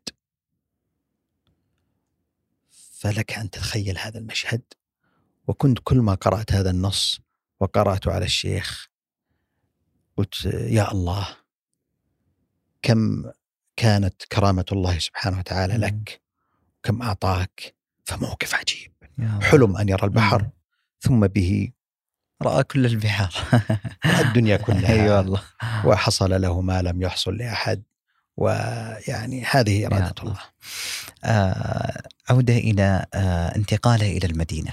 هو آخر مرحلة كانت معهد بريدة نعم ثم انتقل إلى المدينة المنورة انتقاله للمدينة كان طبعا زياراته للمدينة طبعا كان زيارات الشرعية صحيح. دائما الصلاة في مسجد رسول الله صلى الله. عليه وسلم وكان له بعض الأصحاب هناك فزاروا الزيارة الشهيرة هذه اللي في تقريبا 71 هجري ودونها في كتاب رحلة إلى المدينة المنورة ونشرناها في دار الثلوثية بعد ذلك في عام 72 طالب أهالي بريدة بافتتاح معهد علمي في بريدة يكون على نمط المعهد العلمي المفتوح في الرياض. وصدرت الموافقة بأن يفتتح المعهد في بريدة وهو ثاني معهد علمي في المملكة بعد معهد الرياض. و آه، اختلفوا في أن يكون من هو الشخص الذي آه، يقوم بإدارة المعهد آه، الشيخ محمد العبودي كان قد التقى بالشيخ محمد إبراهيم عدة لقاءات لأنه كان يصحبه الشيخ عبد الله بن حميد للرياض في كل زياراته بحكم إنه ملازم له وتلميذه. فسمع عنه وكان يسأل الشيخ إبراهيم من هو المناسب من المدرس وكذا فرشح هذا الشخص. وكان يعرف صلته بالشيخ عبد الله بن حميد وكان من المهم يعني باللغة الدارجة استمزاج رأي الشيخ. يكون شخص مقبول عند الشيخ ابن حميد حتى يسير المعهد على الضوء الذي يريده ولأنه هو الشخصية الكبرى المؤثرة التي تستطيع أن تتحكم والناس كان لديهم جفلة من التعليم والمعهد العلمي أيضا جهة تعليمية جديدة فالناس مختلفة آراءهم فيه وهناك فئة كبيرة ليست قليلة من طلبة العلم لديهم تحفظ فكانوا يحتاجون إلى شخصية مؤثرة وكانوا يحتاجون إلى شخصين. الشخص الأول شخص يستطيع أن يلج إلى فئات المجتمع بذكاء ولطف ويجذب الناس إلى هذا المعهد. والشخصية الثانية أن يكون شخص قريب من قاضي البلد والشخصية الكبرى العلمية الموجودة في البلد حتى يستطيع أن يكسبه إلى صفه وكما يقولون يمرر القبول لديه. تمشي الأمور. فوقع الاختيار على الشيخ محمد البودي وكان اختيارا في محله وكلت المهمة جاء لي الشيخ عبد الله بن حميد وقال له أنا كلفت بالمعهد العلمي وأنا والله ما لي ما علمت ولا طلبت ولا شيء وهو صادق في ذلك. وأنا لا يمكن أني أقبل المعهد العلمي وافتتاحه إلا إذا كنت أنت مشرفا علي ومدرسا فيه. فكان هذا دليل على الذكاء وعلى التقدير والاحترام لشيخه ويريد أن ينجح في مهمته. فما كان من الشيخ عبد الله حميد إلا أن وافق وقال أنا معك وأنت في مهمتك وما ضد لك. وافتتح المعهد العلمي واستطاع أن يذهب إلى الأسر المؤثرة والشخصيات الكبرى والأعيان والوجهاء في البلد ويطلب منهم إلحاق أبنائهم وقال أن المعهد كذا والشيخ محمد إبراهيم فأقنع شخصيات كثيرة جدا. التحدي الأكبر اللي أعظم من هذا استطاع أن يخترق طلبة العلم الموجودين هناك اللي كان لهم حلقات. الشيخ صالح الخريجي الشيخ صالح السكيتي الشيخ علي الضالع الشيخ علي المشيق؟ هؤلاء كان لهم حلقات وكانوا هم الشخصيات العلمية الكبرى آنذاك دون الشيخ عبد الله بن حميد. لأنه قاضي البلد وهو فاستطاع أن يأخذ موافقتهم. فكلهم قالوا نريد أن ندرس في المعهد العلمي لا مانع لدينا. بعضهم اعتذر في النهاية لكنهم باركوا الفكرة واستطاع أنه يجمع ويحشد هذا التأييد له آه، في المعهد. استطاع المعهد أن يكسب هذه الأسماء الكبرى تأييد قاضي البلد والشخصيات العلمية والعيان والوجهاء الحقوا أبنائهم فعبر القنطرة كما يقولون المعهد وتجاوز التحدي الذي كان يمكن أن يمر فيه. بعد ذلك أيضا ألحق به العديد من الشخصيات العلمية من المدرسين المصريين، الشيخ عبد الرزاق عفيفي جاء عند الشيخ، الشيخ عبد القادر شيبة الحمد آه، ومجموعة من المشايخ المصريين الذين جاءوا للتدريس في المعهد العلمي آنذاك. آه، استطاع الشيخ أن يقدم صورة مختلفة للشيخ محمد إبراهيم هذا المعهد في محيط علمي في بريدة واستطاع هذا الشاب الذي كان عمره بالثلاثينات 29 سنة ها أن يقدم هذا النجاح ها وأن يصير حديث الناس في البلد. نجاحه نجاح المعهد العلمي استقطاب الشخصيات استقطاب الطلاب. الناس أقبلت على المعهد وكان هناك تخوف ينجح أو ما ينجح. فقالوا هذا الشخص يجب أن يكون على العين. تسع سنوات كانت كافية الشيخ محمد إبراهيم أن يعني يدرك نجاح هذا الفتى والشاب. في عام 81 صدرت الأوامر السامية بافتتاح الجامعة الإسلامية في المدينة المنورة وتم البحث عن شخصية تكون لإدارة الجامعة. من يتولى إدارة الجامعة؟ بمعنى العمل الإداري البحت. وليس الرئاسة. مم. فقالوا مرحلة تأسيس مرحلة وضع نظام للجامعة لا يوجد صح. حتى النظام. فقالوا لا نجد. خلال المعهد العلمي زادت علاقة الشيخ محمد العبودي مع سماحة الشيخ محمد إبراهيم. فعرفه عن كثب وتعرف عليه عن قرب وأدرك أن هذا يجب أن يكون يعني تحت النظر ويحتاج فيه لحظة ما. جاءت اللحظة. واستدعي إلى الرياض ولا يعلم ماذا الاستدعاء. قال له الشيخ إبراهيم أنه صدرت موافقة الملك سعود على افتتاح الجامعة وصدر أمر الملك سعود بأن تتوجه إلى المدينة المنورة لإعمام الترتيبات اللازمة للجامعة الإسلامية. فوافق الشيخ على هذا الأمر بحكم خبرته في إدارة المعهد والجامعة طلاب ففيه يعني تشابه. قالوا قبل أن تذهب إلى المدينة نريد أن نضع نظام الجامعة. فتعال إلى الرياض وابقى معنا. وجاء إلى الرياض لوضع نظام الجامعة وجلس ثلاثة أشهر في فندق اليمامة مع لجنة من الديوان الملكي حتى تضع نظام الجامعة. يا الله. بعد ذلك بعد انتهاء لجنة من النظام رفع وتمت الموافقة عليه فأمره الشيخ محمد بن إبراهيم أن يتوجه إلى المدينة بصفته أول شخص وأول موظف يعين في الجامعة. وهذا موجود. جميل. لم يعين قبله أحد. فذهب إلى هناك وبدأ يبحث ترتيبات وصار قصة القصور الملكيه الملك سعود رحمه الله التي أهداها للجامعة الإسلامية وبدأ الش- الشيخ محمد العبودي بعمل الترتيبات لها لاستلامها و وجلس آه، ما يقارب السنة لوحده. يعمل الترتيبات ويرفع الاحتياجات. للشيخ محمد إبراهيم وللملك سعود حتى يعلموا هذا الأمر. بعد ذلك آه، آه، بدأت الجامعة الإسلامية في أو بدأ الشيخ محمد إبراهيم والمشايخ في البحث عن شخصية مناسبة لرئاسة الجامعة أو يسمونه نائب رئيس لأن الرئيس الأكبر هو الشيخ محمد إبراهيم أي. الرئيس الفخري لكن بمثابة رئيس لكنه مسماه نائب رئيس. فعرضت على الشيخ عبد الله خياط رحمه الله واعتذر وعرضت على الشيخ محمد الحركان فوافق لكن أهالي جدة كان رئيس محكمة جدة فاعتذر آه، فذهب أهالي جدة إلى الملك سعود وقالوا إن الشيخ محمد الحركان شخصية مقبولة لدينا وأنجز العديد من الأمور في القضاء وهو شخصية محبوبة ولا نفرط فيه. مم. وقالوا نريد أن يبقى الشيخ محمد الحركان لدينا. جميل. فبقي الشيخ محمد الحركان ثم وقع الاختيار على الشيخ عبد العزيز باز فذهب إلى المدينة المنورة نائبا للرئيس بعد تعيين الشيخ بفترة آه، حتى أصبح الشيخ آه، يعني الأمين العام للجامعة وهو آه، المسؤول بالكامل عن الشؤون الإدارية والمالية في م. الجامعة. جميل رحلة الجامعة لا تتوقف أذكر سمعت مقطع كنت سألته كنت سألته في في في إثنينية آه الشيخ عن المجلس ال- الاستشاري. الاستشاري. نعم. وذكر أسماء صدق ما اللي هو الشيخ علي الطنطاوي صحيح. بن عاشور صحيح. وغيرها من الأسماء. الحسن الندوي. مم. نعم نعم. فهذا شيء آه. كان عجيب بالنسبة لي يعني أول مرة أعرفه. صحيح. واللي اقترحه هو الشيخ محمد العبودي قال هذه جامعة إسلامية ويجب أن نستطلع آراء العلماء فيأتون برأي بمشورة مم. وكذا وهي جامعة إسلامية وندعوهم. وكانت الدعوة تقريبا أحيانا كل ستة أشهر وأحيانا في العام مرة. وهو مجلس شرفي لكنه يعبر عن عالمية الجامعة. فاستحسنوا هذه الفكرة والشيخ هو الذي اقترح هذه الأسماء فكانت أسماء آه، حوالي تسعة من الشخصيات الكبرى في العالم الإسلامي وصارت هي آه، الموجودة. ما شاء الله. آه، كنت بتقول شيء ولا لا، أنت-. الله يرفع قدرك.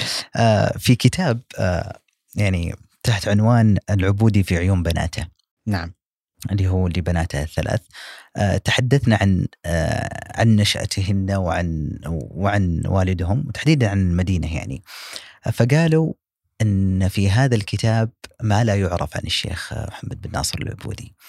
آه، آه، ق- قرأت الكتاب دكتور؟ طبعا اي كيف وجدت الكتاب؟ وما هي الأشياء التي لا يعرفها الناس عن الشيخ محمد؟ هذا الكتاب ثمرة من ثمرات محمد العبودي. هذا الكتاب صحيح. ثمرة من ثمرات. نتاج من نتاج محمد العبودي. البنات الثلاث الدكاترة مم. الدكتورة فاطمة الدكتورة شريفة والدكتورة لطيفة هي من ثمرات الشيخ محمد العبودي مم. الذي حملنا على المؤهلات تعلمنا وكتبنا وألفنا لأن كان عنده شيخ في حياته خطوط عريضة كبرى ومبادئ لا يتنازل عنها من أهمها التعليم فكان أولاده كل شيء يمكن أن يغتفر إلا التعليم فكان حريصا على تعليمهم وعلى يعني قدوتهم وعلى أن يكونوا في مستوى عال من المسؤولية والتحمل للجوانب آه، التربوية والعلمية. ولله الحمد وفقهم الله سبحانه وتعالى. ولا شك أن كتابة البنات عن آه، والدهن آه، في هذه المرحلة خصوصا في مرحلة المدينة المنورة لأنه من اللطائف أن مرحلة المدينة المنورة هي أكثر مرحلة توقف فيها الشيخ عن الكتابة. عجيب. ليش؟ السبب اللي قلته آه الانشغال. الانشغال. مم. كانت الجامعة في مرحلة تأسيس. مم. جامعة. جامعة. جامعة ضخمة. والله. وأي جامعة؟ جامعة مملوءة بالجنسيات مم. والعلماء والأساتذة. وكانت الجامعة الإسلامية آنذاك هدفها عالمي ملتقى. فأي- ملتقى. وكان كل شيء على أمين الجامعة وهو الوكيل للشؤون المالية والإدارية وكل شيء يعني الشيخ نعم. دايزن باز الله يرحمه كان يكل ويثق بالشيخ محمد العبودي كامل الثقة وكان كل الأمور سواء ما يتعلق بالطلاب بالمدرسين بالأمور كلها كان عند الشيخ مم. فلم يكن يجد وقت آه، كان كل مغرب يفتح بابه للطلاب والتلاميذ والأساتذة قد لا يكون متسع بالجامعة آه، أن يزوروا الشيخ في المكتب فكان يفتح الباب لهم. فالبنات يشكرن آه، الدكاترة الثلاث على عملهن وأنا أعتقد إن في جعبتهن أيضا أكثر من ذلك وقدمنا يعني لوحة وصورة داخلية عن حياة الشيخ وعلاقته مع أسرته وهي آه، علاقة مهمة أنتجت وأثمرت هذه النخبة من الأبناء والبنات الذين ولله الحمد في. مستوى عالي. كيف علاقة الشيخ محمد مع الشيخ بن باز؟ وكم استمرت آه، العلاقة كانت علاقة رائعة جدا مم. وعلاقة ممتازة ابتدأت آه، مبكرا في ال- حتى قبل الجامعة الإسلامية كان يعرفه ثم في الجامعة الإسلامية توثقت ثقة طويلة جدا هذه العلاقة آه، لم تكن علاقة عادية. أثمرت كتاب دونه الشيخ ونشرناه في دار الثلاثية الشيخ عبد العزيز باز كما عرفته. وهو كتاب مطبوع ذكر فيه بعض علاقته وتفاصيل مواقفه مع الشيخ عبد العزيز باز سواء كان في الجامعة الإسلامية أو بعد انتقاله في الأمانة العامة للدعوة آه، الإسلامية. ومن المناسب آه، أن نشير إلى موقفين آه، الموقف الأول أن الشيخ عبد العزيز بن باز نماذج للعلاقة اللي تربطهم لما توفي سماحة الشيخ محمد إبراهيم كتب الشيخ محمد العبودي بدون علم من الشيخ عبد العزيز بن باز إلى الملك فيصل وإلى سماحة آه، آه، وإلى إلى إلى الملك فيصل. آنذاك بأن يتم تعيين آه، الشيخ عبد العزيز بن باز رئيسا للجامعة الإسلامية. وفعلا تم تعيينه رئيسا للجامعة الإسلامية، هناك خطاب آخر أيضا كتبه وطالب برفع مرتب الشيخ بن باز لأنه لا يبقى من مرتبه شيء، وقال أنا أعلم. يا الله. لا يبقى من مرتبه شيء، فيجب أن يخصص له مخصص للضيافة وغيرها. يا الله. كل راتبه يذهب للضيوف. وكتب هذا في خطاب مم. للملك فيصل موجود في الكتاب. مم. هذا هو الشيخ دجن باز بكرمه وجوده. فكان الشيخ آه، علاقتهم علاقة محبة وصدق. لما آه، تعين في الأمانة العامة للدعوة الإسلامية الشيخ محمد العبودي آنذاك آه، تقريبا في عام آه، آه، 99 أو كذا طلب التقاعد الشيخ محمد العبودي. طلب التقاعد آنذاك. من الجامعة. من العمل كل من أوه. وقال إني أريد أتفرغ لأعمالي العلمية. أي. فعند ذلك استدعاه الشيخ محمد البودي وكتب هذا الموقف تفصيلا. وقال له ما الذي يجعلك قال أريد أن أكمل مشاريع العلمية عندي مؤلفات وكذا. قال مشاريعك أهم العلمية ومؤلفاتك أو خدمة المسلمين. الله. نحن نحتاجك وبحاجة المسلمين إليك ويجب أن تعدل عن هذا الرأي وهذه الفكرة. قال جزاك الله خير دعني أفكر في الأمر. فخرج من عنده. ولم يكتفي الشيخ عبد العزيز بذلك فكتب خطابا إلى الشيخ محمد البودي ي- يطلب منه ويتودد إليه أن يعدل عن هذا الأمر. وكتب الشيخ عبد العزيز باز آه، آنذاك إلى المقام السامي بأن الشيخ محمد الأبودي يريد أن يتقاعد ويجب أن لا يتم الموافقة عليه ويجب أن يعطى مرتبة جديدة ويتعاقد معه حتى يتم الاستفادة منه. فكانت علاقة يعني كل يقدر الآخر ويدرك نفع مم. وأثر آه، العالم آه، هنا وهناك. جميل. آه، الحمد لله أن الشيخ محمد العبودي له مبدأ من مبادئ حياته التي دائما أشير إلى مبادئ وهو الوفاء فهو وفي. ولذلك كتب عن مشايخه كتب عن زملائه فكتب كتابه عن الشيخ ابن بن باز وأثره وعلاقته آه، معه آه، حتى توفي رحمه الله من اللطائف العلاقة مم. دكتور محمد الشويعر كتب آه، مقالة آه، في مثل عامي معروف اسمه ملهي الرعيان أي. فكتب المقال في الجزيرة موجود اسمه ملهي الرعيان محمد العبودي أي. يقول إن الشيخ بن باز وهو طبعا مدير يعني المشرف على مكتب الشيخ كان الدكتور محمد الشويعر وهو صديق للشيخ محمد العبودي وهو أقرب الناس لسماحة الشيخ عبد العزيز بن باز. فيقول إن الشيخ عبد العزيز باز إذا دخل عليه محمد العبودي قال اطلعوا الكتبة اللي إيه. عنده ولا يدخل علينا أحد. خلاص يستمتع يا بالحديث. ويأخذ راحته في الأسئلة عن المسلمين إيه. فكان يجد في الشيخ محمد العبودي متعته التي لا تتوقف. فيقول ملهي الرعيان يعني ينسى الشيخ كل شيء لما يجي محمد العبودي الله. وكتب مقال مطولة عن الشيخ محمد العبودي وقال أنه يعني هذا الشخص يعني أعلم الناس حسب علمي لا أعلم أحدا يعرف حال المسلمين مثل ما يعلم محمد العبودي. جميل متى بدأ ارتباط الشيخ محمد العبودي بحال المسلمين كالترحال؟ الآن بعد الجامعة الإسلامية انتقل إلى الرابطة رابطة العالم الإسلامي صحيح؟ آه ومن خلالها بدأ يرتحل يعني بشكل أكبر. هذا المتوقع هذا المتصور. آه فودنا نسولف عن بداية رحلات الشيخ. آه متى بدأت وعلاقته بالرابطة؟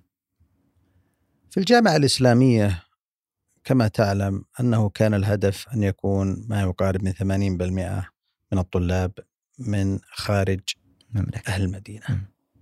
و20% من المدينة. هذه النسبة الكبيرة والعالية تحتاج إلى عدد كبير. في البداية كاتبوا الجمعيات والمراكز الإسلامية من عندها أو من الطلاب أعلنت الجامعة من اليتيم مم. فجاء إليهم طلاب وكان فيه مشاكل. هذه من الأشياء اللي وقفت الشيخ. كان مرحلة التأسيس مرحلة صعبة. وأي تأسيس؟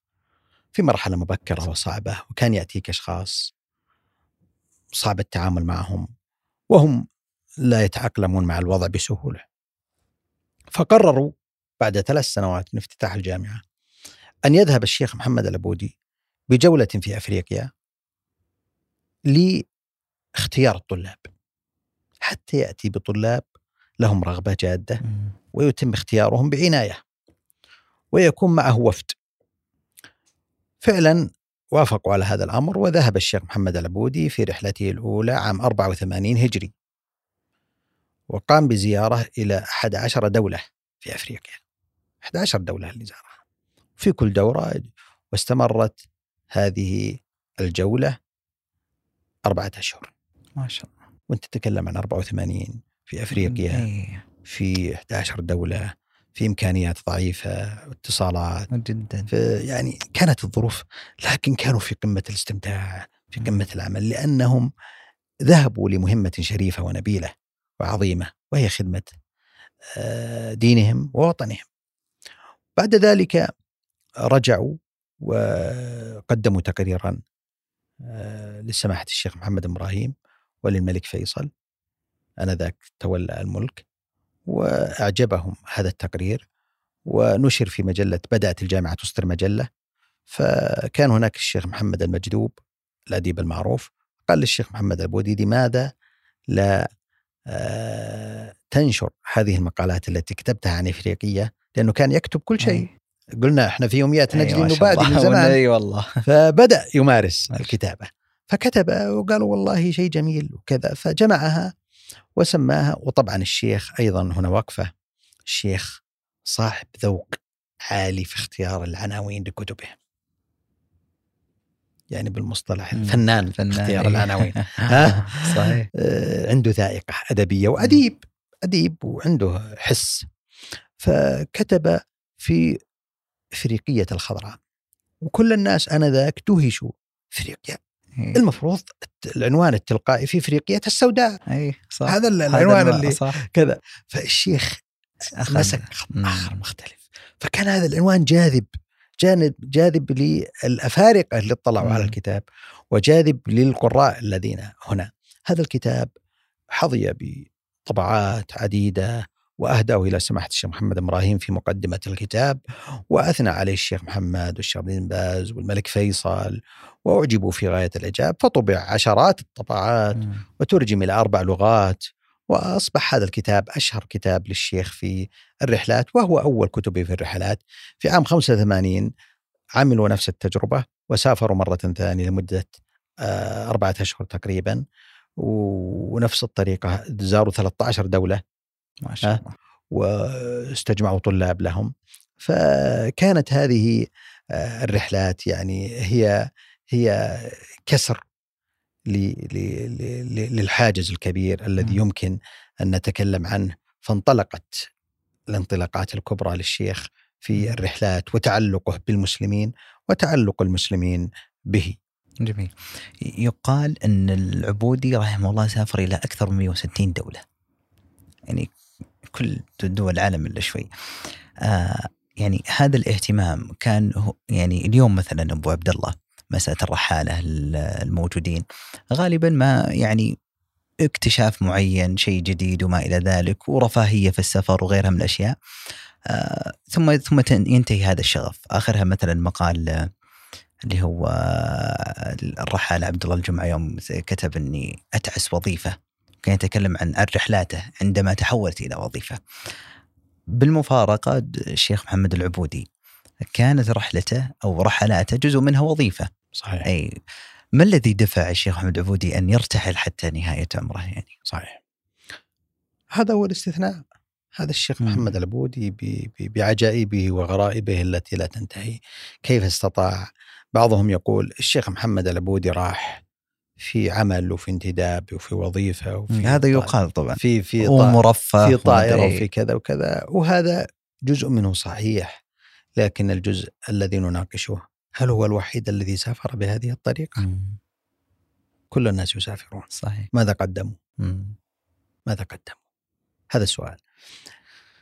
الرحلات لما تتكلم عن عدد الدول الشيخ أعتقد أن سفر الشيخ لا يماثله أحد حتى اليوم ولا أعتقد أن يماثله أحد.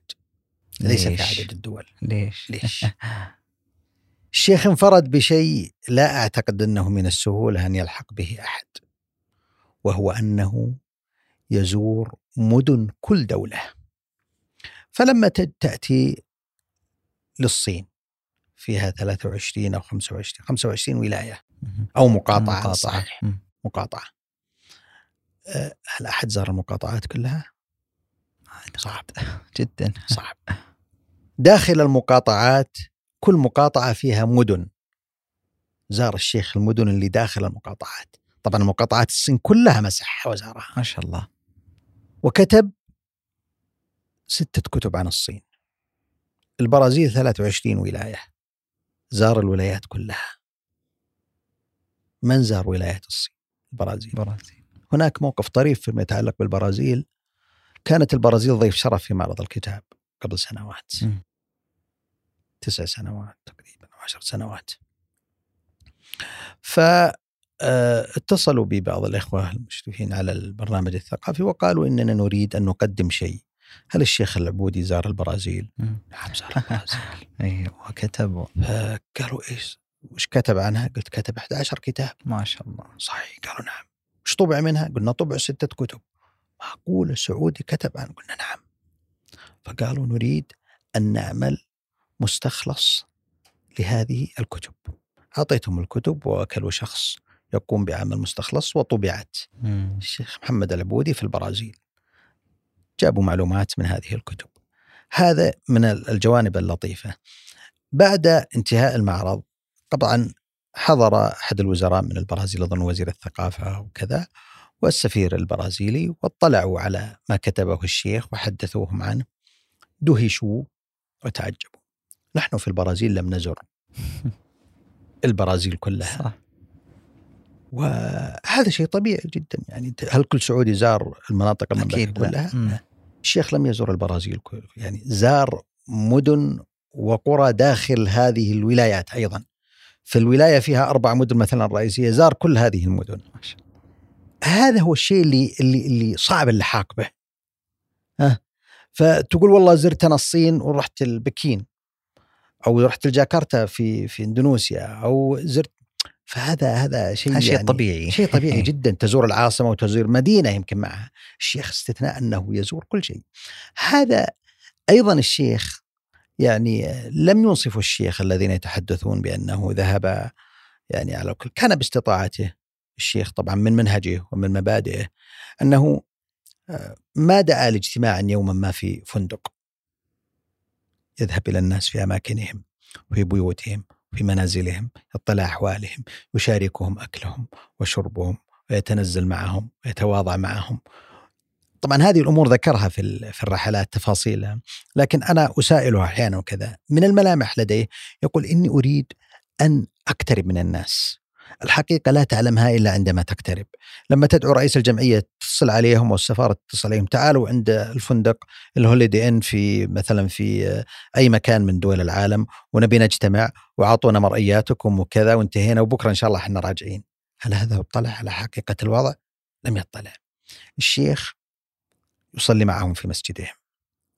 وللمعلومية لا يصلي مع إنه أبداً. جاي من يعني الحرمين ما يمكن يصلي إماما. ليش؟ حتى أعلم صلاتهم. ووجدت يقول ناس يصلون مم. يصلون الظهر ركعتين. أوه. اي جو لمهم مرة سعوديين وعلى طول تقدموا لهم وصلوا ركعتين. وتصوروا ان الصلاة هذه. مصيبة. وهل ذكر الشيخ هذا؟ إيه. كذا. فيقول أنا أصلي معهم. أنا ما جيت أنا أبا فاخر. أنا إيه. أريد أن اتعلم أن أعلمهم وأن أوصل الرسالة بهذا الأمر. آه، تأتي مثلا آه، للشيخ يزور الأسواق يزور آه، الأماكن كلها دور العبادة حتى لغير المسلمين الكنائس وغيرها ويطلع على أحوال غير المسلمين. حتى مثلا الديانات الأخرى قوتهم مكانتهم علاقتهم مع المسلمين حتى يستطيع أن يتصور.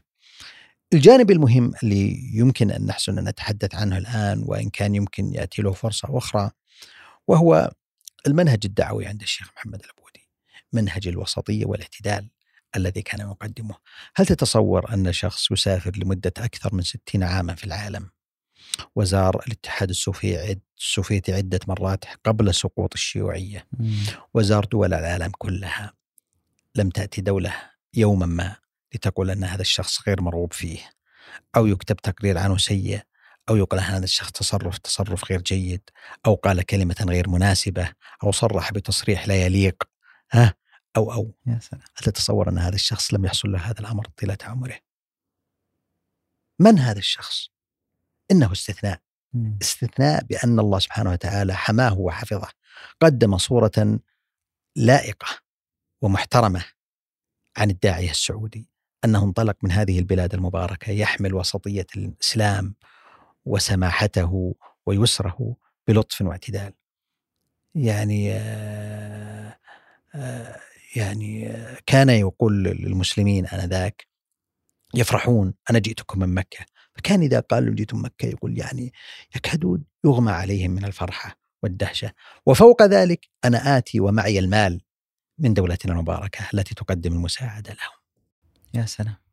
وش أبرز المواقف اللي يعني أنا أذكر آه، كنت بس يعني وأنت تسولف ما ودي والله إنك تنتهي. يعني دائما الحديث عن أدب عن الرحلات تحديدا مختلف. أشياء يعني ذكرها الشيخ من, من أعجب من خلينا نقول من أعجب المواقف اللي مرت عليه.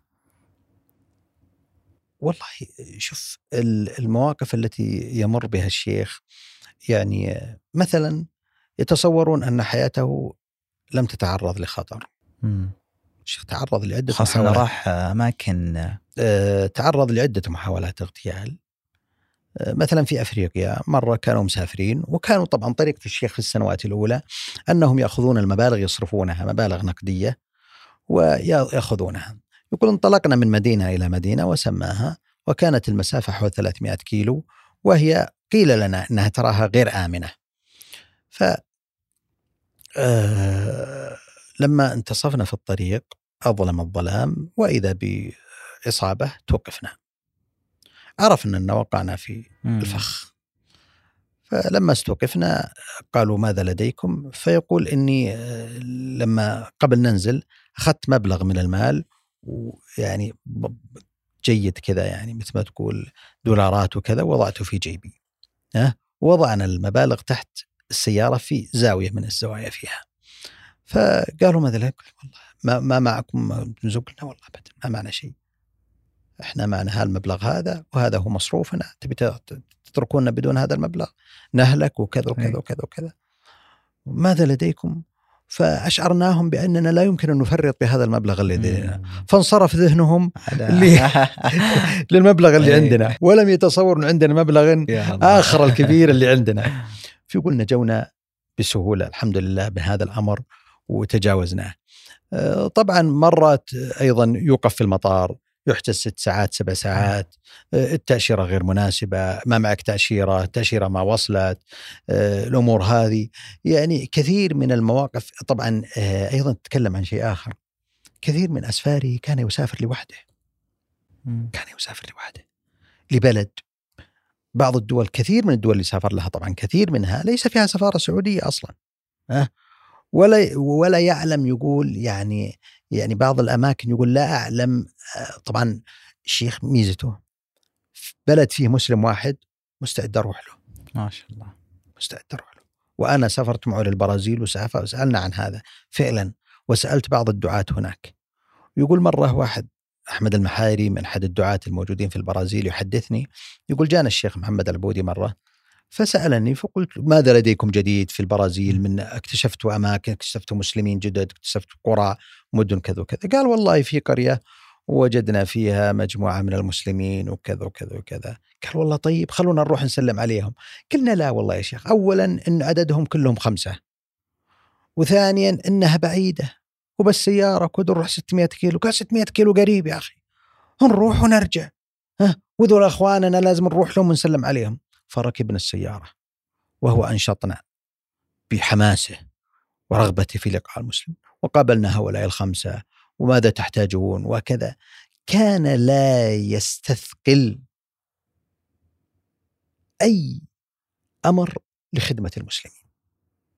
فالسفر عنده كلفة وهذا شفته أنا يعني عيانا أمامي في موضوع للمسلمين لا يهمه. كلفة السفر مشقة السفر عناء السفر كل هذه الأمور لا تهم. المهم أننا نصل إلى المسلمين. ولذلك الله سبحانه وتعالى دائما أنا أقول إن الله أمد بعمره. والشيخ بلغ قرن من الزمان وأكمل مئة. لم يفقد شيء. لم يشكو من شيء. لم يتعرض لمرض. لم يتعرض لأي شيء. كانت هذه الدعوات المتتابعة من المسلمين في كل في كل مكان أن يحفظه الله في صحته وفي جسمه. هي نتيجة هذا الأمر فحفظه الله سبحانه وتعالى ولم ينل شيء. آه، يعني من الأشياء الغريبة جدا دائما يسألون الشيخ عنها ومن اللطائف. الشيخ متذوق طبعا للأكل. مو الشيخ قليل الأكل. طبعا تكلم متذوق للأكل وقليل الأكل. الشيخ في حتى هنا في كل مكان قليل الأكل صحي الأكل منتظم الأكل منظم ومرتب في مأكله ومشربه. لكنه في كل مكان قلت لك إذا دعا أحد أكل تذوق يتذوق هذا ويتذوق ذاك ويتذوق فيرضيهم. ويأخذ بخاطرهم مثل ما يقولون ويتودد إليهم حتى يكسبهم طبعا تعرض المواقف تسمم وتسمم كثيرة هذه أي، صارت طبيعي طبعاً. خاصة. الله يرحمه.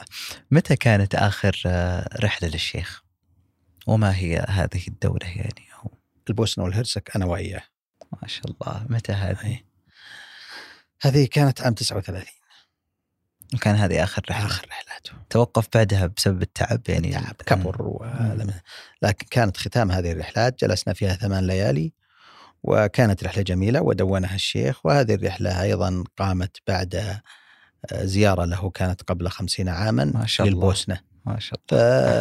فكان وش أعجب اللحظات أي اللي- كان يقف على الأماكن التي زارها يسأل عن الشخصيات اللي كانوا أي. موجودين وكذا.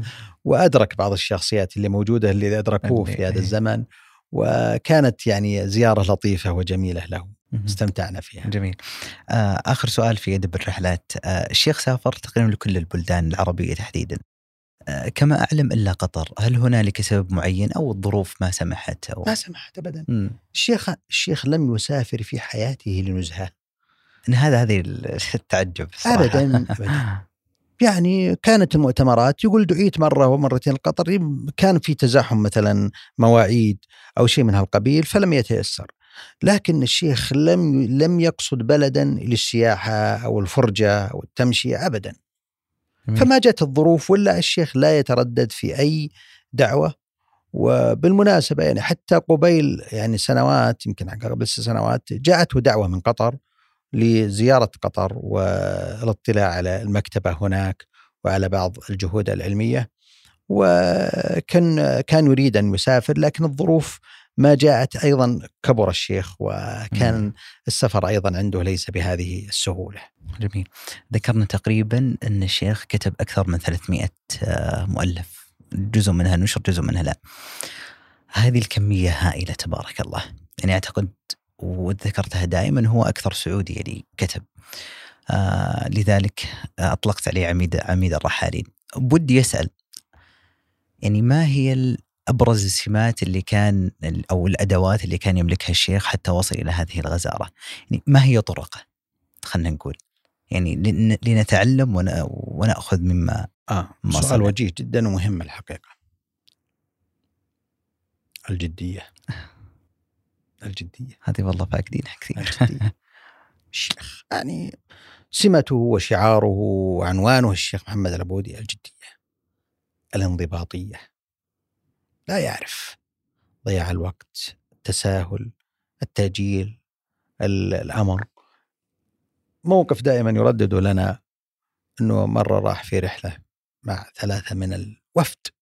كان يرأسهم فكانوا كل ليلة يذهبون ويتجولون ويزورون جمعيات ومؤسسات وكذا وكذا وكذا وكذا. فكانوا بعد المغرب بالليل طبعا يتوقف النشاط. بالنهار من صلاة الفجر وهم يقومون بالجولات. بالمغرب يرجعون للفندق يجلسون. فكانوا يطلبون من الشيخ بعد المغرب يقولوا له تعال نشرب الشاي. هم ثلاثة. فالشيخ يعتذر يقول والله إني بجلس أكتب وكذا وكذا. قالوا زين. في آخر يوم من الرحلة 15 يوم قالوا يا شيخ عاد اليوم ودنا نخصص ونجلس نجي نكتب التقرير ونكتب وش اللي شاهدنا اليوم إحنا بطالعين ونبي تعال نجلس إحنا وياك ونسترجع وش اللي صار وش اللي كذا. قال والله كل شيء مكتوب وجاهز. قال متى كتبت؟ ما شاء الله. قال وأنتم تشربون الشاي. ما شاء الله. الجدية هذه التي يقولها متى؟ الشيخ لا يؤجل العمل. لا يعرف التسويف ولا يعرف التأجيل. كمية الرحلات هذه الموجودة هل يمكن أن يكتبها شخص مسوف أو مؤجل؟ لا. لا ينام بهذه اللفظة الواضحة حتى يكتب ما شاهده اليوم. تعبان مرهق تأخر ما عندك مشكلة. ما لازم لأن بكرة عندي شيء آخر. مم. لما تجي الرحلة